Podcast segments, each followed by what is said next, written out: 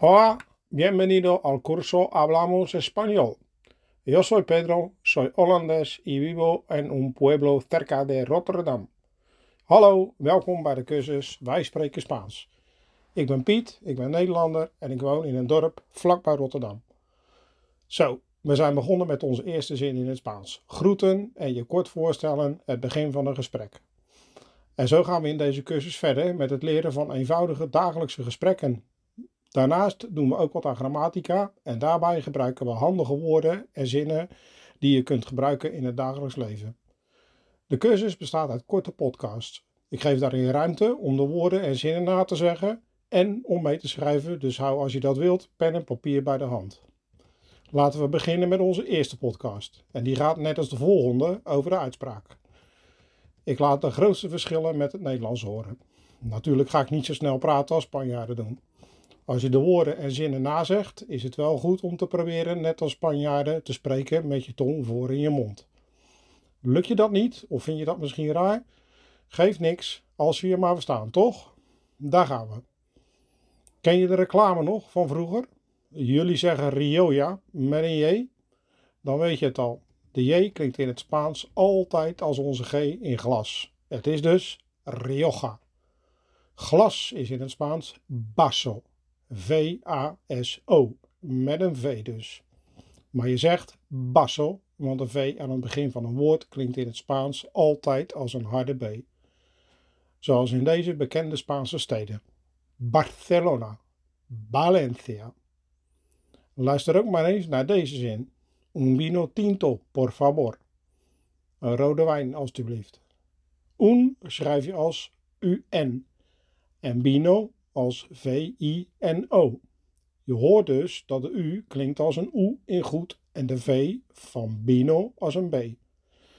Maar in por favor, favor schrijf je F-A-V-O-R, klinkt de V meer als een zachte B, bijna als een W. Por favor.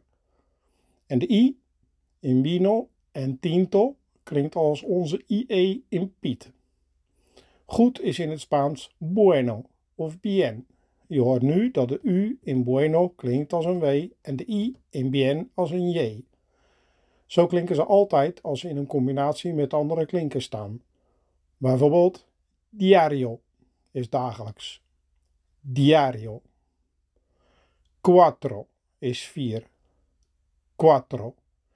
Dus de J klinkt altijd als een G de V aan het begin van een woord als een B en anders als een zachte B, bijna een W. De U is een U en de I is een als IE een I, behalve in combinatie met een andere klinker. Laten we nog even oefenen. Ocho is oog. Ocho. Ocho kan ook een uitroep zijn. Dan betekent het kijk uit. Jefe, chef of baas. Jefe. Espejo is spiegel. Espejo.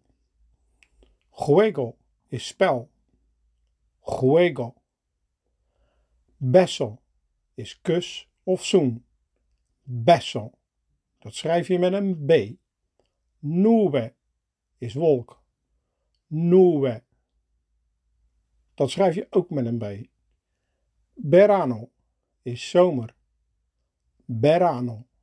Dat schrijf je met een V. Uwa is druif. Uwa. Ook dat schrijf je met een V. Je hoort dus, zoals ik al zei, dat de B en de V hetzelfde klinken. Futbolista. Voetballer. Futbolista. Fiesta is feest. Fiesta. Puerta is deur. Puerta. Puerto is haven. Puerto. Helado is ijs. Helado.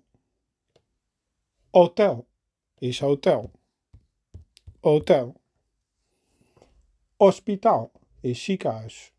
Hospitaal. Hollanda is Holland. Hollanda. Je hoorde me de H niet uitspreken in de laatste vier woorden. De H spreek je namelijk in het Spaans nooit uit. Dit was de eerste podcast. In de volgende doen we de laatste letters die verschillen met Nederlands. Hasta la próxima vez. Tot de volgende keer.